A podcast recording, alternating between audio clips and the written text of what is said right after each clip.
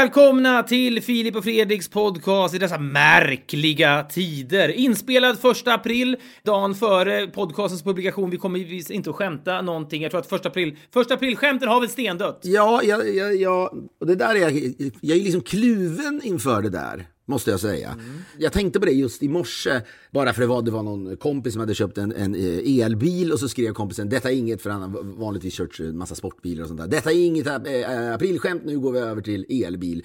Men han slog ju fast direkt att det inte var ett aprilskämt. Men det fick mig att börja tänka på aprilskämt. Nu kommer jag inte på något bra exempel. Får jag ändå säga att, att om, om det hade varit ett aprilskämt hade det varit ett uselt aprilskämt. Jag har köpt en elbil. Jo, ja, men det är väl det jag menar. Det var bara att han skrev eh, ordet aprilskämt som gjorde Mm. att jag ens tänkte på det. Men, men, men det är någonting det här gör med en, dessa märkliga tider. Mm. Och aldrig har väl någon, någonting, tror jag, i hela hennes liv varit så ständigt närvarande som det här. För ibland så, annars brukar man ju säga, nej nu orkar man inte snacka om det mer, nu måste vi prata om något annat. Och det ska vi försöka göra idag också. Men det Verkligen. är ändå, det, det är svårt. Samtidigt så tror jag efter 9-11, för det har inte hållit på så länge där. 9-11 var med länge, tror jag ändå. Men det här är något annat. Så att jag, jag bara känner att ja, då får man nu ser man då första april i skenet av corona. Och det, det jag bara skulle säga är att man vet ju att alla tänker det går fan inte att göra ett, ett aprilskämt nu.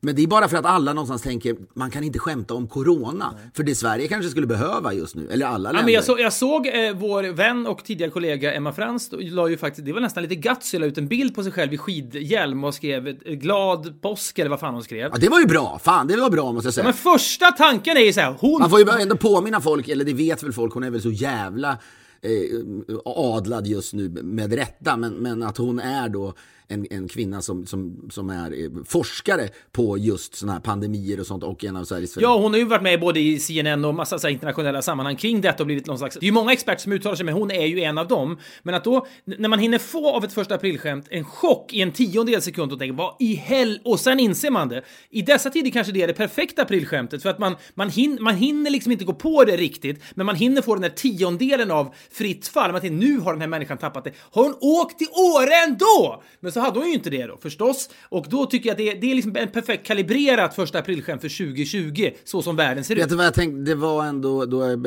jag bara läste på lite om så här, förra året då när vi var så extremt ovetande om vad som skulle ske i världen och då hade väl metoo rullats eh, ut ordentligt så att säga. Eh, men jag tänker ä- även på, förresten tror du nu hoppar jag bara direkt där. Att han den här då hyllade journalisten, Mia Farrows son, vad är det han heter? Ronan Farrow. Jävla snygg han är också. Så han var med i något... Ja, men snacket, snacket är väl att det var att det är Frank Sinatra som är pappa. Och du tänker, att, du tänker att mixen Sinatra Farrow skulle kunna bli ganska bra? Ganska potent ja.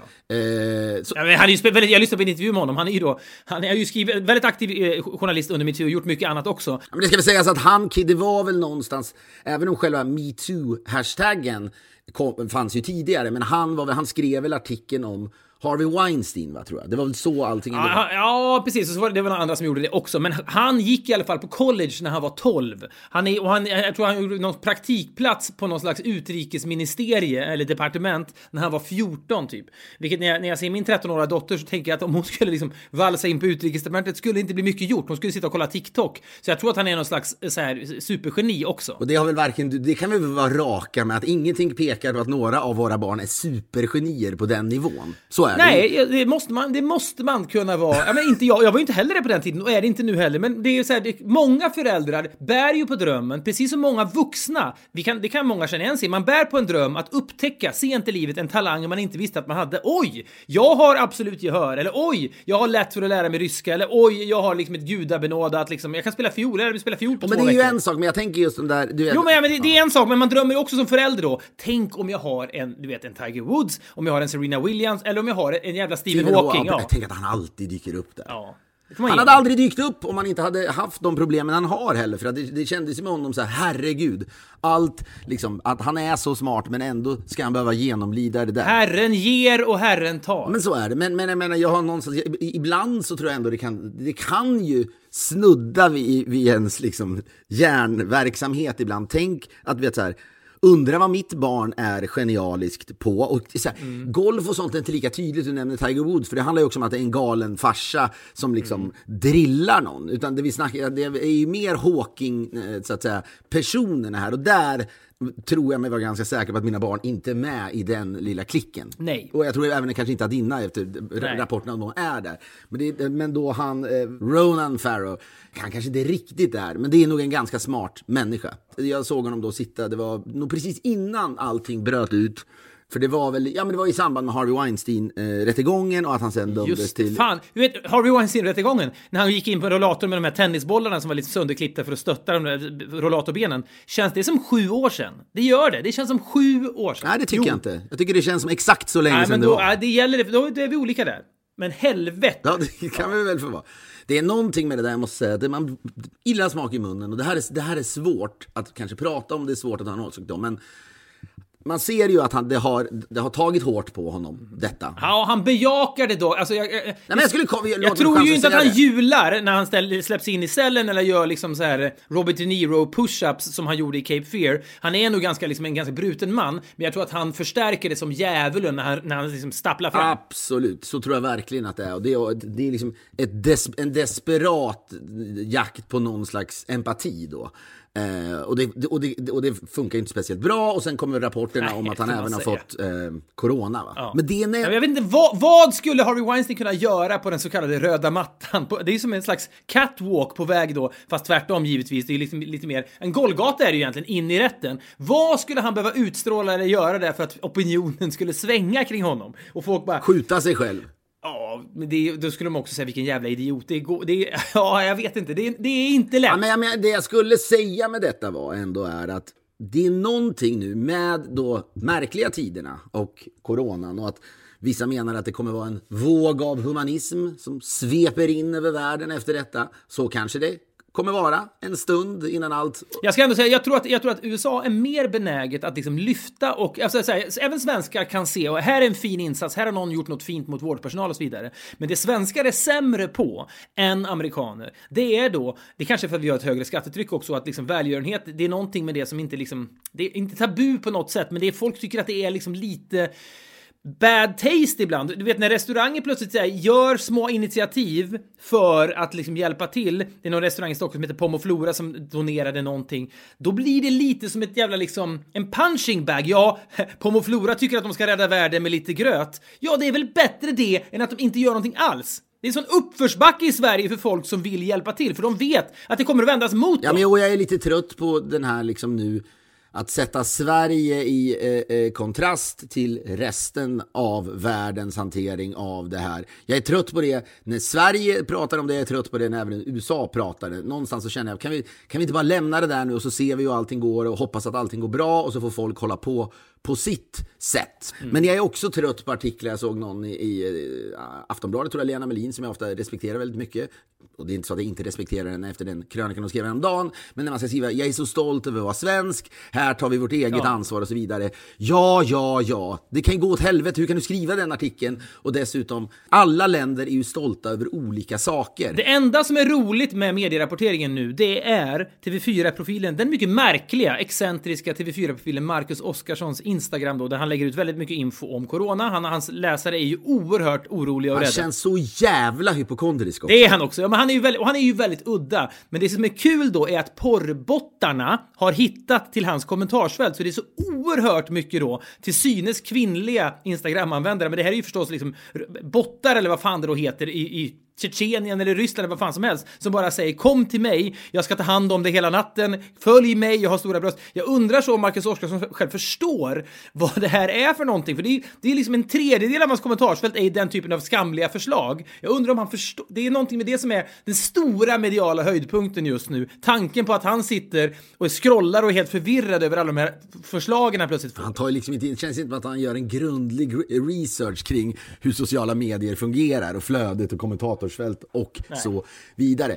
Men, men, men, just det där som jag säger, man, man, är lite trött på det för att jag, exakt det du säger är ju någonstans att måste det ena ta ut det andra, det vill säga i Sverige så är det så, nej vi behöver inte så mycket välgörenhet därför att eh, staten då eh, ska ta hand om eh, invånarna eftersom vi betalar skatt. Men det jag inte kan förstå är lite det du är inne på där det spelar väl ändå ingen roll, även om Sverige är ett land där staten tar hand om dig och vi alla på något sätt sysslar med välgörenhet genom att betala så mycket i skatt. Vad spelar det då för Varför blir man provocerad? Varför ska man jämt när man tar upp Sverige så ska folk säga ja, det är bevis på att USA inte funkar, att det är på det där sättet. Mm. Men jag ska bara snabbt återvända då till Ronan Farrow. College när han var 12. Alltså det är som att gå på universitetet när man är 12. Kan han ha varit lite drillad av Mia Farrow, sin mamma? Men hon hade så många barn. Hon har väl liksom 19 barn. Hon orkar väl inte hålla koll på honom. Jag tror att han bara satt väl och klurade för sig själv och så sa nu drar jag till college. Ja, men gör det. Sen hade de väl pengar, men ändå. Ja, men och det, är då, det har ju varit naturligtvis en besatthet av honom, allt detta och han var som sagt var den som... Så pratar vi om metoo nu då? Ja, alltså. men det var ju liksom han som på något sätt drog igång det. Han hade väl väldigt svårt att få, jag tror han jobbade för NBC eller något, hade väldigt svårt att få sitt avslöjande publicerat. Till slut var det väl The New Yorker tror jag som, som tog in det här när de kände att allting var vattentätt. Hans chefer på tv-kanalen NBC ville inte låta honom publicera tv-reportage om Harvey Weinstein för de var rädda för att Harvey Weinstein som var så mäktig då skulle då inte köpa annonser på NBC, kanske stoppa skådisar. Kanske var de också medvetna om nu kommer det komma andra grejer i svallvågorna av detta. Ja, inne på NBC själva, precis. och jag bara tänker så här att hade han suttit på den här nu, säg att artikeln är klar idag. Mm. Hade han då väntat ett år, tro, som, hade han skjutit upp det som en Bondpremiär? Det är intressant. Sitter människor just nu på stora avslöjanden och tänker nu går det inte? Det är liksom så här, på samma sätt som att film Bond skjuts upp liksom nio månader. Ja, exakt, det, precis som en Bondpremiär som jag sa. Det är, det är samma sak fast någonting annat. Ja, men man sitter, men... På, man sitter på dynamit och man tänker det kommer... Jag vet, vet, sitter du på ett avslöjande om Trump, ska du bränna ut det nu eh, för att liksom rasera hans möjligheter att vinna presidentvalet i november? Nej, då är det mycket bättre på, på, på många plan att vänta till oktober. Eh, men, men samma sak med andra avslöjanden. Men det finns ju liksom ingen story just nu som antar jag är så stark. Det skulle ju vara om någon i direktsänd tv visar upp Jesus och säger han finns. Det är inte är optimalt. Hade jag haft Jesus här. hos mig så hade jag sagt till Jesus, du kan väl också sätta dig i karantän? Vi får pausa dig. Natt, nattchefen på Aftonbladet säger vi skjuter upp Jesus-avslöjandet i ett år. Ja, vi sätter honom på liksom våning nio i något konferensrum och så får vi ge honom liksom, lite dadlar och grejer. Så han, och kanske lite, ge honom en iPad får vi se om han löser. Men samtidigt, det där är väl, det är just det. Det där är, jag tycker det var ett ganska bra exempel jag tog. Det är väl liksom den nivån det bör vara på. Ja, men det fuskiga med det, med det förslaget är givetvis att då skulle folk kunna läsa in. Ah, Exakt, det skulle kopplas The second till. coming, nu är han här för att rädda oss. Eller tvärtom, när han kommer tillbaka då är det över för mänskligheten. Så att man skulle liksom inlämna Jesus i coronanarrativet om han dök upp nu. Så det är liksom... Ja, så det, det hade varit intressant är ju att hitta storyn som aldrig skulle inlämnas.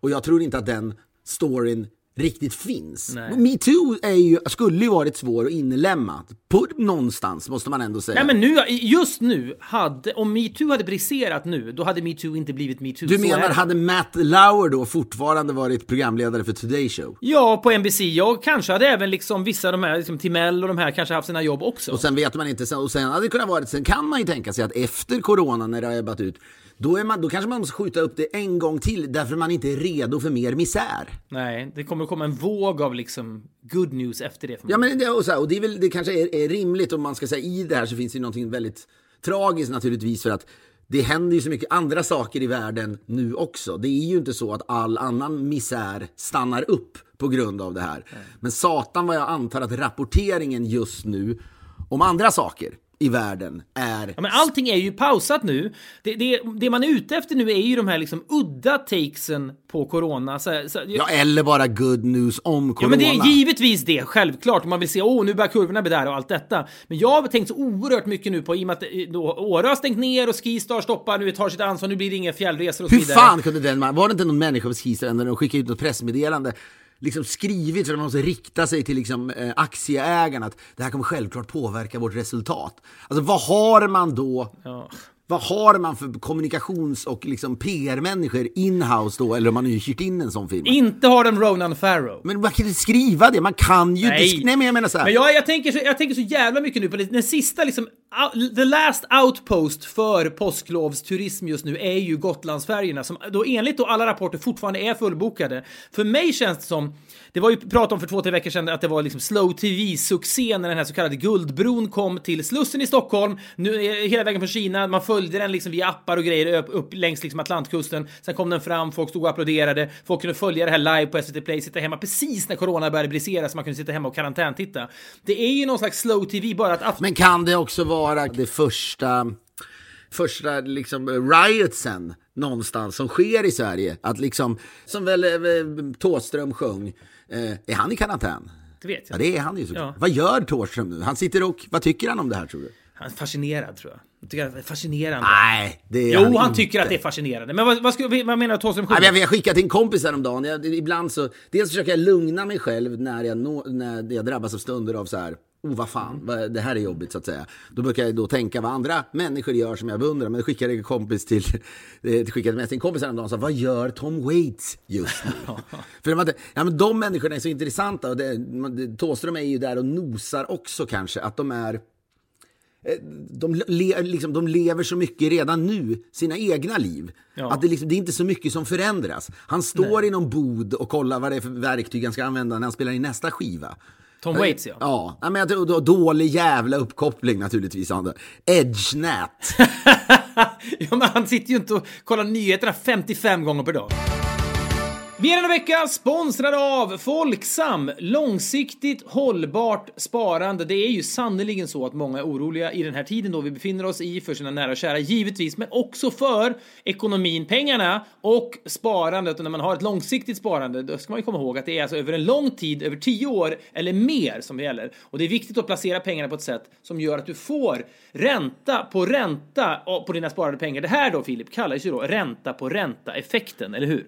Ja, eh, det låter ju för bra för att vara sant. Eh, men det är helt enkelt att dina pengar då växer snabbare eh, och snabbare över tid. Eftersom du får ränta då både på pengarna som du lagt undan, men även på tidigare intjänad ränta. Det är det som är då ränta på ränta-effekten. Eh, vill man eh, räkna själv på, eh, på sånt här då, då kan man gå in på folksam.se slash pensionssparande och använda Folksams formidabla räknesnurra. Och i dessa tider då, naturligtvis, även om man kan intala sig själv, gud, gud, gud, det, är långsiktigt jag ska spara samtidigt som man ser att kanske pengar försvinner. Man vet ju att på aktiemarknaden är det så för många.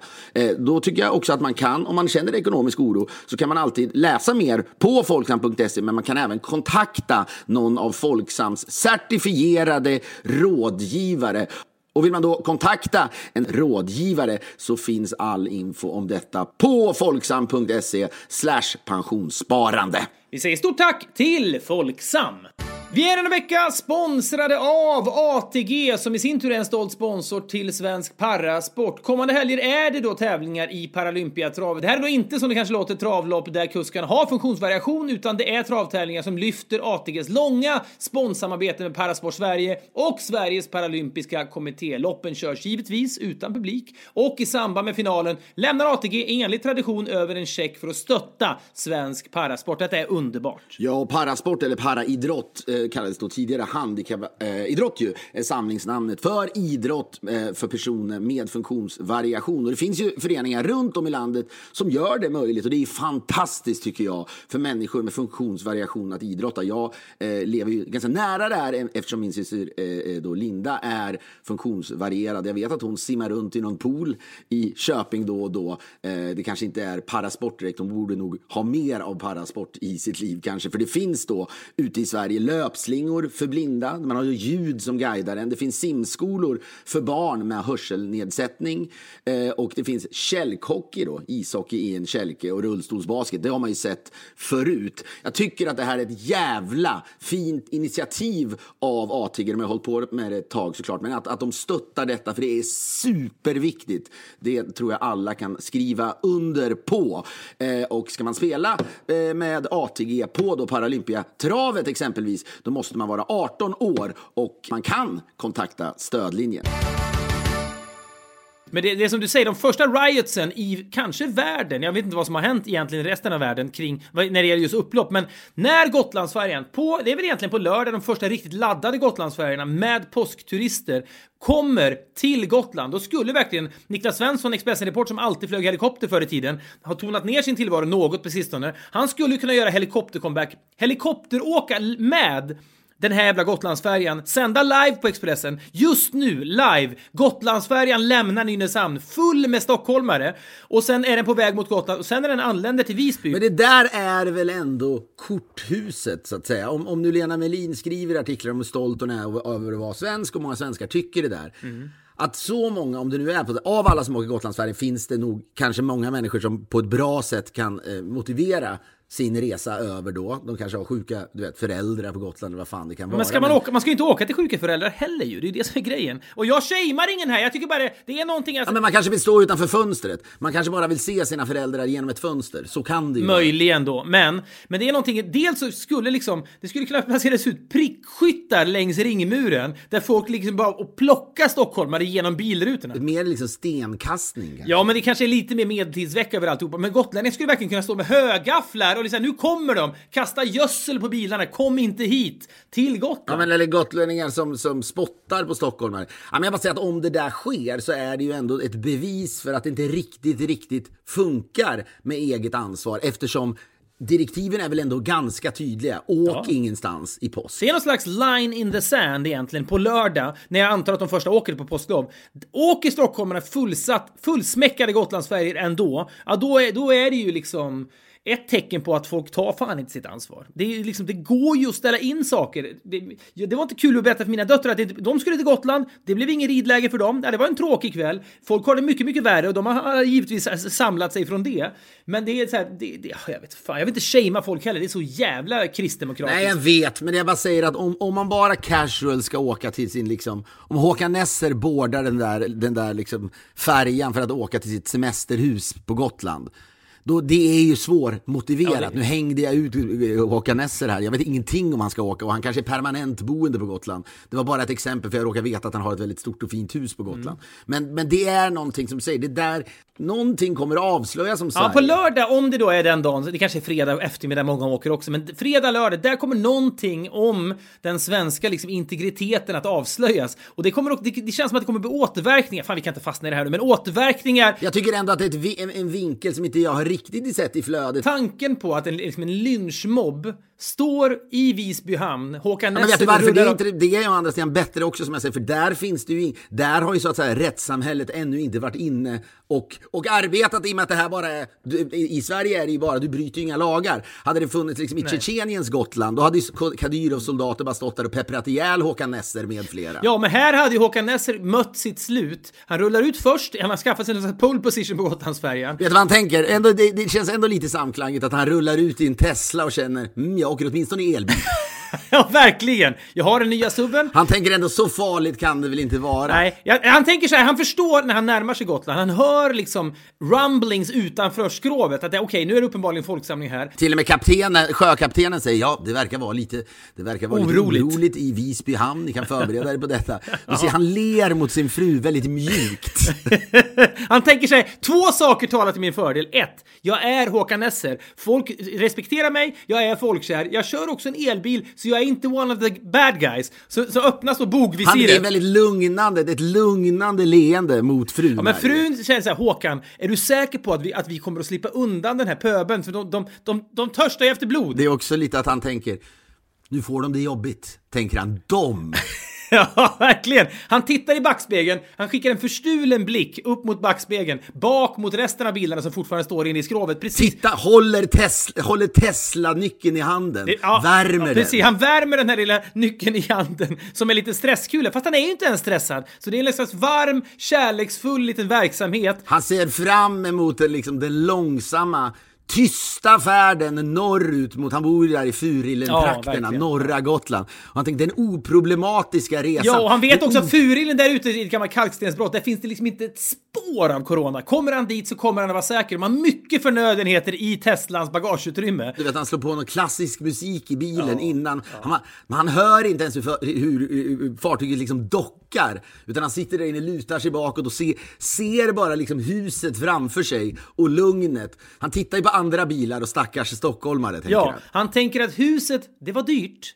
Men det har alltid varit värt det och nu mer än någonsin. Bachs Air spelas liksom inne i bilen på liksom otrolig volym. Hans fru är liksom lite irriterad för att han tar det här så kallsinnigt och att musiken ändå är så ljudlig. Han har aldrig känt sig tryggare. Det finns en oerhörd paradox i det. Som egentligen Håkan Nesser är alldeles för begåvad för att liksom att se. Till. han, han, han, han är alldeles för begåvad för detta. Men det är någonting i honom. Men vet du vad? Håkan Nesser kan i den här situationen inte se sig själv utifrån. Det är hans stora brist. Att, och han, så här, han har ändå varit en man som har varit hyfsat duktig på att se sig själv utifrån Ja. i decennier. Ja. Hans fru ser ju problematiken.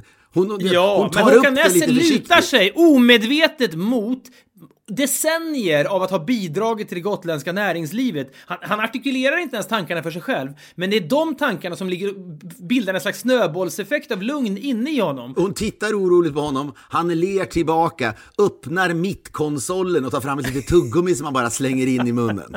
Hans fru tänker, han smaskar alltid lite grann när han tuggar tuggummi. Inte ens där kan han se sig själv utifrån. Hon känner ju också, men Håkan, men Håkan. Han svarar inte, han är bara tystnad och leende. Han tänker stackars jävlar som ska behöva rulla ut genom det här bogvisiret och möta pöbeln. Jag rullar igenom som en slags föråkare, sen börjar massakern, tänker han. Hon har tänkt i... Vi är denna vecka sponsrade av Finnair och vi pratade i förra veckan om klass och service, något man verkligen uppskattar när man flyger och det får man ju då hos Finnair. Låt oss Fredrik lyfta fram Finnairs app som underlättar resandet redan från bokningen. Den fyller ju då i all info automatiskt när man man bokar. Perfekt då när man reser mycket och det första du ser i appen det är check-in. Kanske det viktigaste då innan resan. Sen har du dina digitala boardingkort i mobilen och behöver du addera en väska, välja säte eller kanske ändra något i bokningen så gör du det i appen och slipper kontakta kundservice. Man kan bara föreställa sig vilken tid man sitter i de här telefonköerna. Det här är enkelt, smidigt och tidseffektivt. De är otroligt duktiga på att hela tiden förbättra upplevelsen under resan. Vi säger därför stort tack till Finnair! Vi är denna vecka sponsrade av Blocket och låt oss, kan verka lite dystopiskt men tycker ändå det funkar, prata om dödsbädden. Vi kommer ju alla ligga där en dag och reflektera över våra liv och vi kommer då ångra många saker. Eh, bland annat att vi inte köpte den där drömbilen som fanns i våra tankar under så många år. Ja, men kanske den där opraktiska sportbilen då som var en dröm från barnsben. Sen blir man vuxen med barn och så får man inte köpa en sån där bil. Men man skulle fan bara ha gjort det så att man inte ångrar det när man ligger där då. För på Blocket finns då bilar för alla med Sveriges största utbud av bilar till salu från privatpersoner som såväl bilhandlare. Gå in på blocket.se slash bilar och köp drömbilen på Blocket. Vänta inte så kan man då bocka av den på dödsbädden i alla fall. Det tackar vi Blocket för! Vi är denna vecka sponsrade av DPJ Workspace.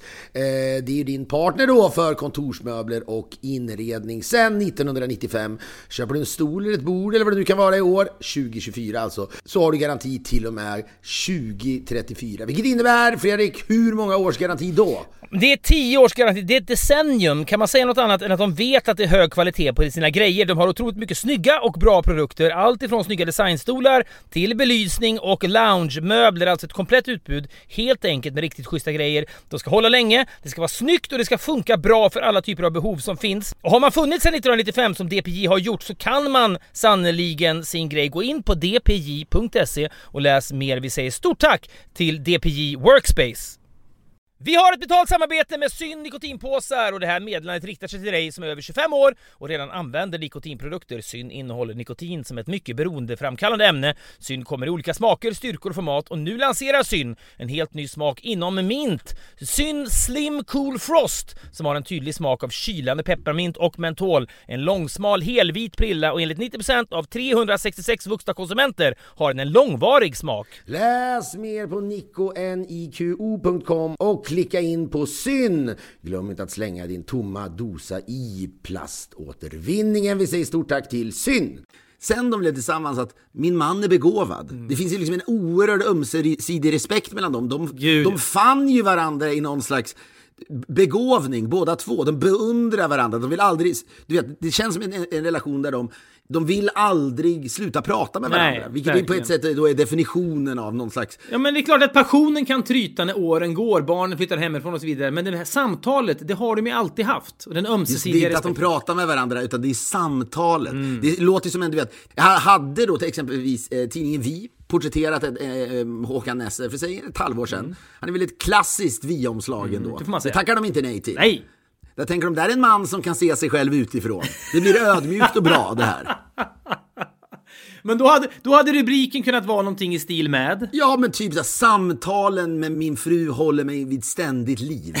ja, och vet du vad? De tänker också, ja, att Björn Ranelid och hans fru tror att de har bra samtal, men vi har bättre samtal. Men också den här känslan av visst. Ja, det, det, alltså, alltså att han inte, han, han är, ja, kanske tänker rätt också. Han har pengar, han sk- skulle kunna köpa en dyr sportbil, han köper en Tesla och det är klanderfritt. Det är Ja, det ändå. verkligen. Men, nej, men just också känslan för vi-redaktionerna. Vad skönt, nu har vi åtminstone Nesser. För han, han är ett bra omslag, för han kan se sig själv utifrån. Han kommer in, för, men vi är ju ingen tidning som vill skapa kontroverser. Nej, det här är ju, alltså alla vet ju inte ens vad tidningen Vi är, men det här, man ser den ibland på Pressbyrån, det är nog en tidning. Vi har varit med där också, trevliga intervjuer givetvis, men det är lite kulturellt och det är lite snällt och det är lite så här trevliga porträtt av kulturella människor. Och Nesser är ju som klippt och skuren för det. Och som du säger, redaktionen inbillar sig att han kan se sig, se sig själv utifrån och därför inte säga några riktigt dumma saker. Nej men och tidningen, det finns ju ingen, många som eh, sysslar med magasinsjournalistik eller herregud tv och så vidare drömmer alltid om att saker och ting ska hända Antingen under en intervju i, i, som ska bli publiceras i en tidning eller i, i ett Alla mot alla avsnitt kanske.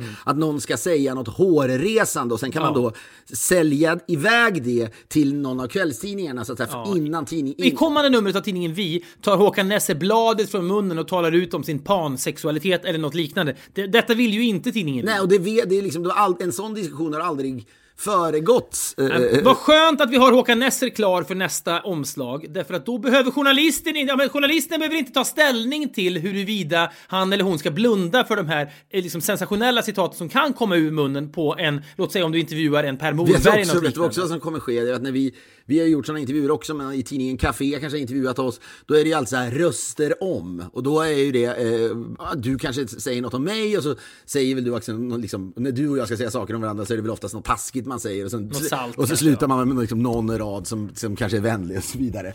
Men här liksom så här, röster om. Och så låt oss säga att hon heter, jag skäms inte för att jag inte vet vad Håkan Nessers fru heter. Eller ska jag googla det? Jag kanske ska googla det. Gör det. Håkan Nessers fru, ja, ej oväntat heter hon Elke. Det kan du inte säga att det är väntat. Du kan inte det. Nej, men, ja, men ändå, det, ja, jag vet inte, bara känns inte o... Vet du vad? Det känns som att de har träffat på en bokkväll i Bergen i Norge. Att hon är från Norge kanske. Han är där och föreläser, läser upp några kapitel. De hittar varandra i någon slags vin i plastmugg-mingel efteråt och resten är historia. Det här, alltså, den första artikeln som ligger är då när man söker på Håkan Nessers fru, det är Mm. från Furilden, det är tidningen Hela Gotland, de kanske inte säger Furilden då. Från, från Manhattan till Furilden, Håkan Nesser har hittat hem. Lyssna på det här ändå. Ja, och det, är- och det, och det, jag ska bara säga, det är exakt den typen av artiklar som vaggar in Håkan Nesser i ett falskt lugn medan bogvisiret långsamt hissas upp och han gör sig redo att rulla ut och tror att pöbeln kommer att skona honom men att däremot slakta alla andra stockholmare Släpp inte detta ännu bara, släpp inte, du låter mig först då läsa. Det är, den, den vignetten är reportage, vilket också är något man gör om Håkan Nesser. Ja. Och då står det då eh, ett citat eh, från någon bok, men som de applicerar på Håkan, Håkan Nessers liv här då på ön. Som är, de, de, hela Gotland skriver. Ön Furillen är något mindre än Manhattan och den befolkas inte av människor. Den befolkas av kaniner, huvudsakligen åtminstone. Citatet är hämtat ur boken Nortons filosofiska memoarer, berättar, berättad av Norton genom Husses penna. Det är alltså någon som har skrivit en bok och gjort just jämförelsen mellan Furillen utan Manhattan. Kan det vara Håkan Nesser som har skrivit boken? Det är hans memoarer. Håkan Nessers egna memoarer? Ja, alltså. tydligen. Kanske drunknar i någon slags den tidens metoo då? Helt, eller den tidens corona? Det gick mig helt Så förbi. där vi nu är i berättelsen, den påhittade berättelsen som förmodligen ligger skrämmande nära verkligheten om Håkan Nesser, så är då alltså bogvisiret på väg upp. Han tuggar sitt tuggummi. Det är, vet du vad han tänker? Det är som en ridå som åker upp och nu kan showen börja, tänker han glatt. För han tänker Ja, men då- vet du vad det är för show? Nu kan den värdiga showen börja. Ja, för honom ja, så tänker han, medan resten av mina passagerare kommer att gå illa för, men jag har ju gjort jobbet här på Gotland. Jag har bidragit till näringslivet, jag har betalat säkert någon slags kommunalskatt här och jag har liksom varit nere på de lokala bagerierna. Jag är verkligen, jag är till hälften gotlänning. Detta kommer gotlänningarna att se i mig, de kommer därför att skona mig. Och eh, då, när detta sker så stirrar då frun, Elke Nesser, på honom. Hon som alltid tyckt att han var så bra att se sig själv utifrån. Hon som minns när de trä- En av hans starkast lysande kvaliteter. Hon som mindes när de träffades att det var en av de första sakerna hon tänkte på. Det är någon slags ödmjukhet som, som hon själv, för sig själv väljer att formulera som att han var så bra på att se sig själv utifrån. Den här dagen såg hon aldrig komma. För när hon sitter där, han stänger långsamt mittkonsolen, tuggar och smaskar, ler mot henne. Han ser fram emot den värdiga showen hur han ska rulla förbi folk. Och sen kan han, han tycker det är skitsamma om stockholmarna sen blir st- stenade och bespottade. Men hon Ja, för han är ju inte en av dem. Han är ju inte det, tycker han. För han har tappat förmågan att se sig själv utifrån. Han skulle aldrig säga det, men vad det i grunden handlar om är att han tycker att han har något slags annat människovärde ändå. Ja. Jag har levt livet som man bör leva Men lagom till att Bachs stycke Air då tar fart i bilen och bogvisiret Då börjar Elke Nesser känna ett galopperande hat mot, mot en man som helt plötsligt då genomgår en metamorfos och blir en annan. Och precis när Håkan Nesser då lägger in D, växeln för att rulla framåt, då kommer den första komockan flygande från en människa som då kanske är distriktsmästare i Varpa eller något, kan kasta de där projektilerna långt. Den träffar Nessers framruta. Nesser tänker, de siktade inte på mig. Det där var ett misstag. De siktade ju på liksom, på BMWn bakom mig. Det, och det, han säger det på något sätt till henne. Ja. Oj, oj, oj, nu får de det hett om öronen. Henne, och Ja. Elke Nessers hat galopperar allt mer. Hon säger Håkan, de siktade på din bil. Det är dig de är ute efter Håkan. Dig och alla andra. Det jag sa bara i såna här röster om, som alltså finns i stora reportage ofta. Då, var det, då är det ju ibland då att man, man ska säga något vackert och då i tidningen Vis röster om segment i reportaget om Håkan Nesser, det fiktiva. Det tänkta reportaget, ja. så precis. skulle ju då hon säga någonting i stil med han, var, han är så bra på att se sig själv ut- utifrån. Det är en av hans styrkor. Det är därför han har kommit så långt. Och det är därför han alltid har behållit fötterna, fötterna på jorden. Själv, exakt, så självgodhet ligger inte för min älskade Håkan. Nej, verkligen. Ibland när jag ser honom genom fönstret när han är ute och går med hundarna Mm, så tänker jag alltid Gud vad bra han är på att se sig själv utifrån. Ja.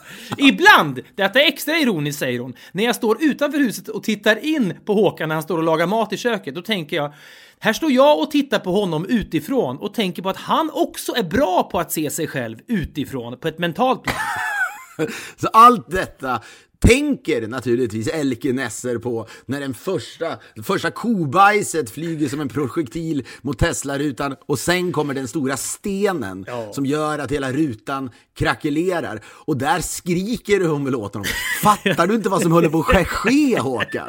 Är du helt jävla dum i huvudet? Den här Teslan besitter ju en oerhörd accelerationsförmåga. Han är ju längst fram i ledet, han har pole position, så i teorin kan han ju bara trycka plattan i mattan, lägga in ludicrous mode som det heter för att kunna köra 0 till 100 på 3 sekunder. Men han inser ju inte allvaret i situationen, så plötsligt har ju då hela folkmassan omringat bilen och börjat knuffa den mot Och kajkanten. just skri skriken från Elke där hon skriker din jävla idiot. Sen, på något mirakulöst sätt, så lyckas han då navigera sig igenom folkhavet, hittar den här då, vad det nu är, landsvägen som ska föra dem upp till Furillen. Och han sitter där helt oberörd alltjämt. Men han inte förstår det. Visst, rutan är sönder. Det är fortfarande svårt för vindrutorna att få bort kobajset helt ordentligt från framrutan då. Men det han inte förstår, bilen må vara tilltufsad tänker han, men deras relation är intakt inbillar han sig. Men så ser det ju inte Och längs landsvägen, ja de sitter tysta. Elke hatar honom verkligen. Så stannar han vid en liten, liten så här trafikstopp eller vad fan det heter. Någon så här, du vet, en liten ficka. Han går ur bilen, ställer sig vid vägkanten och kissar i det fria. Alltjämt superharmonisk. Och då ser alltså Elke Nesser ser honom inifrån. Ja. Och där han står och kissar och tänker, där står en man som har slutat vara kapabel att se sig själv utifrån. Det är också sådär, när skil... nu, Det här är ju bara spekulationer, det är, man ska inte spekulera i folks skilsmässa, men när skilsmässopapper lämnas in så är det också såhär, vad är orsaken till skilsmässan? Då är det så här, ja men det kan vara liksom så här eh, meningsskiljaktigheter eller du vet, det kan vara massa olika, man skriver väl alltid, åtminstone i amerikanska skilsmässor, anledningen till. Här är det bara, min man har slutat kunna se sig själv utifrån. Hon sitter då på passagerarsidan, funderar på bara liksom glida över till chaufförsidan. Ja, men visst sanningen är, hon glider över till förarsidan när han står obekymrat och kissar och, och nynnar på air fortfarande. Hon trycker plattan i mattan, men Håkan har ju bilnyckeln i fickan så hon kommer ingenstans. Och när Håkan kommer tillbaka till bilen och säger “Har du sitt, satt, vad ska du göra?” Inte ens då förstår han att hon har varit benägen att fly ifrån honom. Får jag presentera ett alternativt spår i denna tankelek? Det vill säga, Elke Nesser, hon sätter då äh, vad är det, plattan i mattan och drar upp mot Furillen. Ja, Håkan har inte bilnyckeln i fickan utan den ligger då i konsolen. där, när hon kommer fram dit, så liksom du vet, rensar hon ut hela huset, samlar ihop alla saker som hon anser vara sina. Huset blir ganska tomt och du vet, hon, hon ser hans böcker, sliter ner dem bara på, du vet, på golvet. Kanske går ut, fjuttar eld på dem. Ja, hon, är det så att hon till och med fjuttar eld på hela huset? Kanske, jag vet, men det, det jag bara ser framför mig är hur då sen kanske sex timmar senare hon sitter inne i, i, i, sitt, i, i sitt kök där då, detta fina kök, byggt av klimatvänligt material. Det vet hela Sverige, eller åtminstone Ja. vis läsekrets, eftersom Håkan har pratat om det. Framförallt konsumenter av Gotlands media har ju nåtts ett otal gånger om hur klimatvänligt det här huset är. Och det är också det, den, det är liksom en av många pusselbitar som vaggar in Håkan i den här falska tryggheten ju, när bogvisiret Ja, och, och jag tror att precis det som du säger, även i tidningen Vi har han ju oemotsagt, och det kanske är rimligt, få prata, äh, få prata om detta klimatvänliga Han har hus. fått lägga ut texten på ett sätt som skulle kunna kallas oklädsamt. Under intervjun så säger någon att Håkan dricker lite, lite kaffe och stryker ömt kalkstensbordet som är liksom en lokal produkt så att säga. Ja, verkligen. Det är, det är liksom Gotlands skiffer. Men sex timmar senare då när, när Låt oss säga att huset ännu inte är påfjuttat, men åtminstone böckerna är borta. Hon alla bilder på dem tillsammans har hon väl också kastat, antar jag. Är det, så, är det så brutalt att hon liksom har scratchat ut honom från bilderna? Hon har suttit, klippt med sina ut honom. Hon har klippt Ja. ut honom med den där rostiga saxen som, som Håkan köpte på no, i, någon, du vet, i någon bod på Gotland eftersom Ja, han vill vara klimatvänlig och inte köpa nya grejer. Men då kommer han gående, det har börjat regna. Han är dyblöt, Håkan.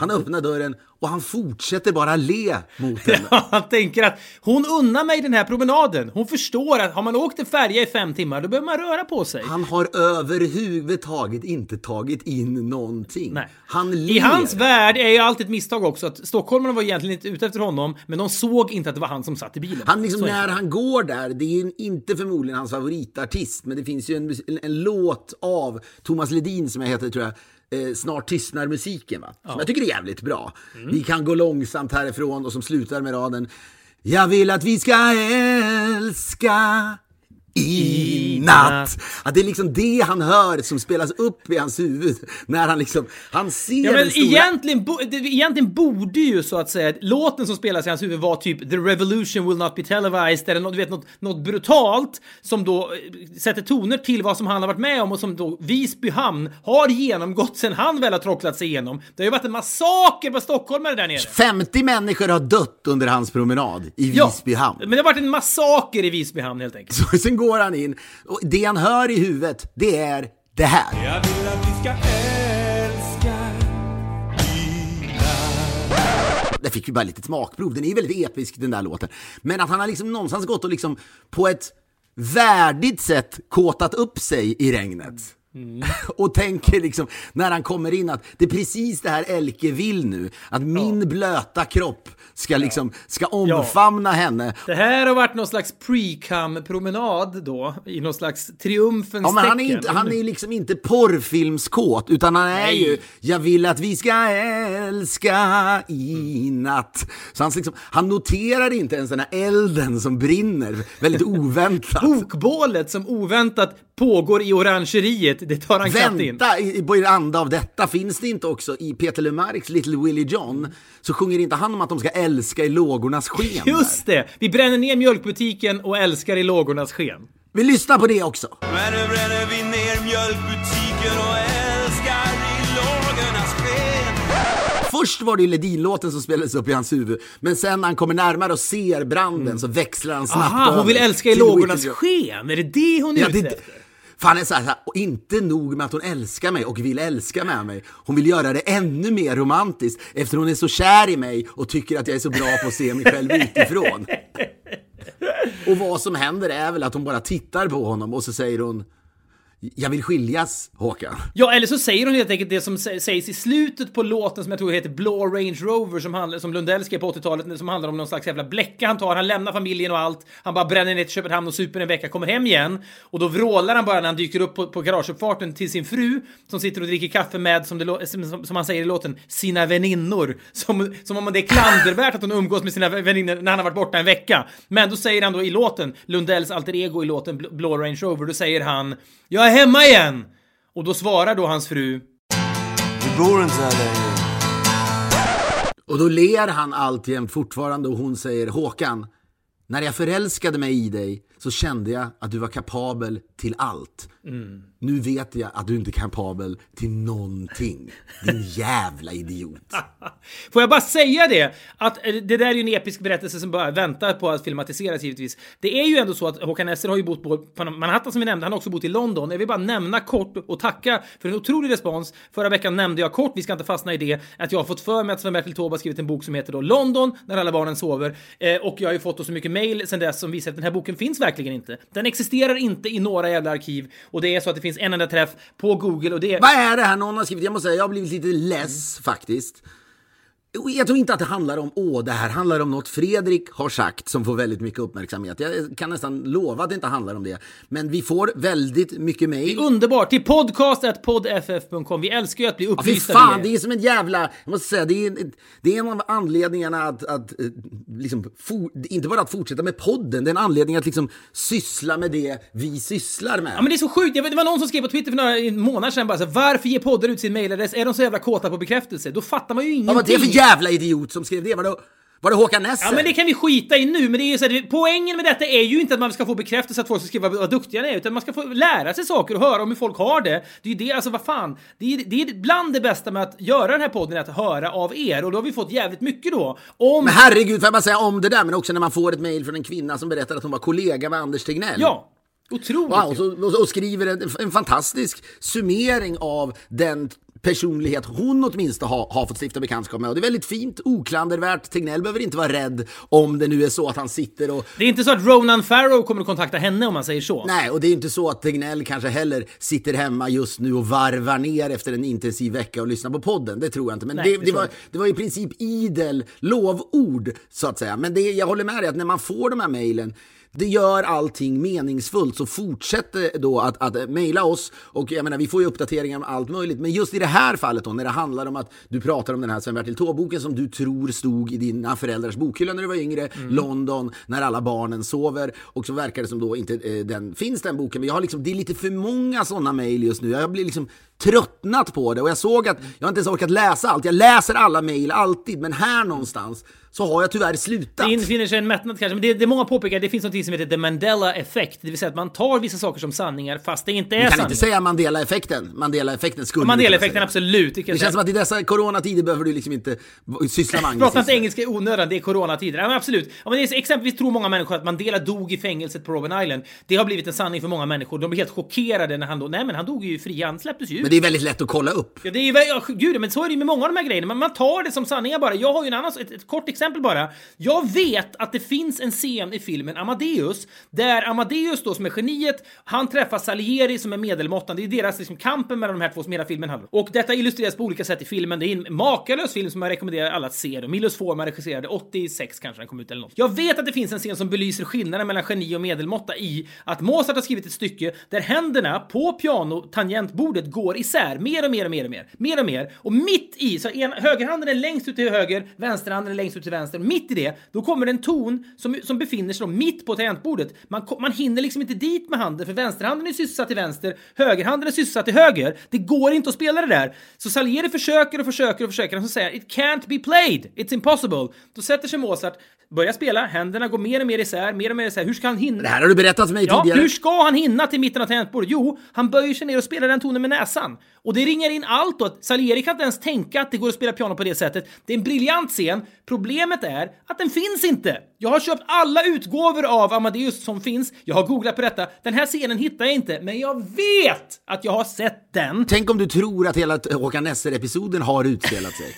Ja, verkligen. Det hade varit next level. Men jag ska säga, jag, det som har hänt åtminstone är att jag har nu åtminstone beställt en massa böcker om London där Sven-Bertil Taube medverkar på olika då, eh, på Tradera och på andra då sajter. Så nästa vecka hoppas jag då kunna få en jävla lösning på den här gåtan. Men jag tackar alla som har hört av sig. Kan du inte söka på något jävla sätt? Det känns som du ändå är, Det finns lite researcher kvar i dig. Du, du har det i dig att få tag på Sven-Bertil Taube på låt oss säga sex timmar. Ja, det skulle jag nog lyckas med. Men jag har ju som sagt, det berättade jag väl förra veckan, jag varit i kontakt med hans familjeadvokat och så vidare. Det, den, här boken, den här boken finns liksom inte. Men jag, det vore, till, till, till nästa vecka, antingen har jag fått då, jag har beställt massa olika böcker som handlar om London då. Vi får väl se om han medverkar. Det viktiga är att frasen London när alla barnen sover, den måste finnas med för att jag ska nå closure. Men kan du inte jaga honom? Kan du inte försöka... Men antingen kommer böckerna att dyka upp och jag kommer att få closure via det, eller så får jag helt enkelt söka som Bertil Taube. Jag vet inte vilket skick han är i. Vi kan bara hoppas. Kanske kan man göra en telefonare med honom och få en förklaring på detta. Det betyder ju mer för mig än vad det betyder Gud, för honom. vet du vad det är det episka slutet på det här eller om det, eller om det är någonting som kommer fortsätta i, i liksom decennier detta. Men roliga om Sven-Bertil Taube säger till dig, ja visst den boken Det gavs hade ut. varit otroligt, men då, då blir ju mysteriet bara ännu tätare på något jävla sätt. Jag ska säga, innan vi avrundar bara, så vill jag bara ge våra poddlyssnare en liten... Jag vet inte vad det här är riktigt, men jag tycker att det är en present. När man ramlar över saker och ting som har med ljud att göra, då, då kan man ju faktiskt då dra den gåvan vidare. Men jag är verkligen ingen ljudfantast. Jag bryr mig inte så jävla mycket om ljud. Herregud, jag vill att vår podd ska låta anständigt, men i övrigt kan jag gå omkring med liksom vilka, vilken teknik som helst. Men det som är speciellt med det jag ska spela upp nu, dels så tänkte jag så här, kul, jag skickar den här unika grejen till Filip. Han kommer inte att bry sig om det här och då kommer att belysa hur olika vi är som människor. Då kan det bli ett kul ämne i podden kanske. Sen svarar du direkt och säger det där var fan helt otroligt. Jag skickar... Ja, men det var sjukt. Jag sitter hemma, jag får det här skickat till av vår gemensamma vän Johannes Hobom, skickar det här klippet till mig. Du måste lyssna på detta, detta är unikt. Jag sitter uppe, det är midnatt, jag kanske är fyra öl in, det är sådana tider man unnar sig på kvällarna och trycker på play och plötsligt overridar den här jävla ljudfilen mina hörlurar så det hörs i lägenhetens då alla högtalare. Eller alla, men i, i, i två, tre rum. Hela lägenheten plötsligt låter det musik och jag får panik, pausar direkt, tänker fan nu väcker jag alla, det är katastrof, det är det sista jag vill.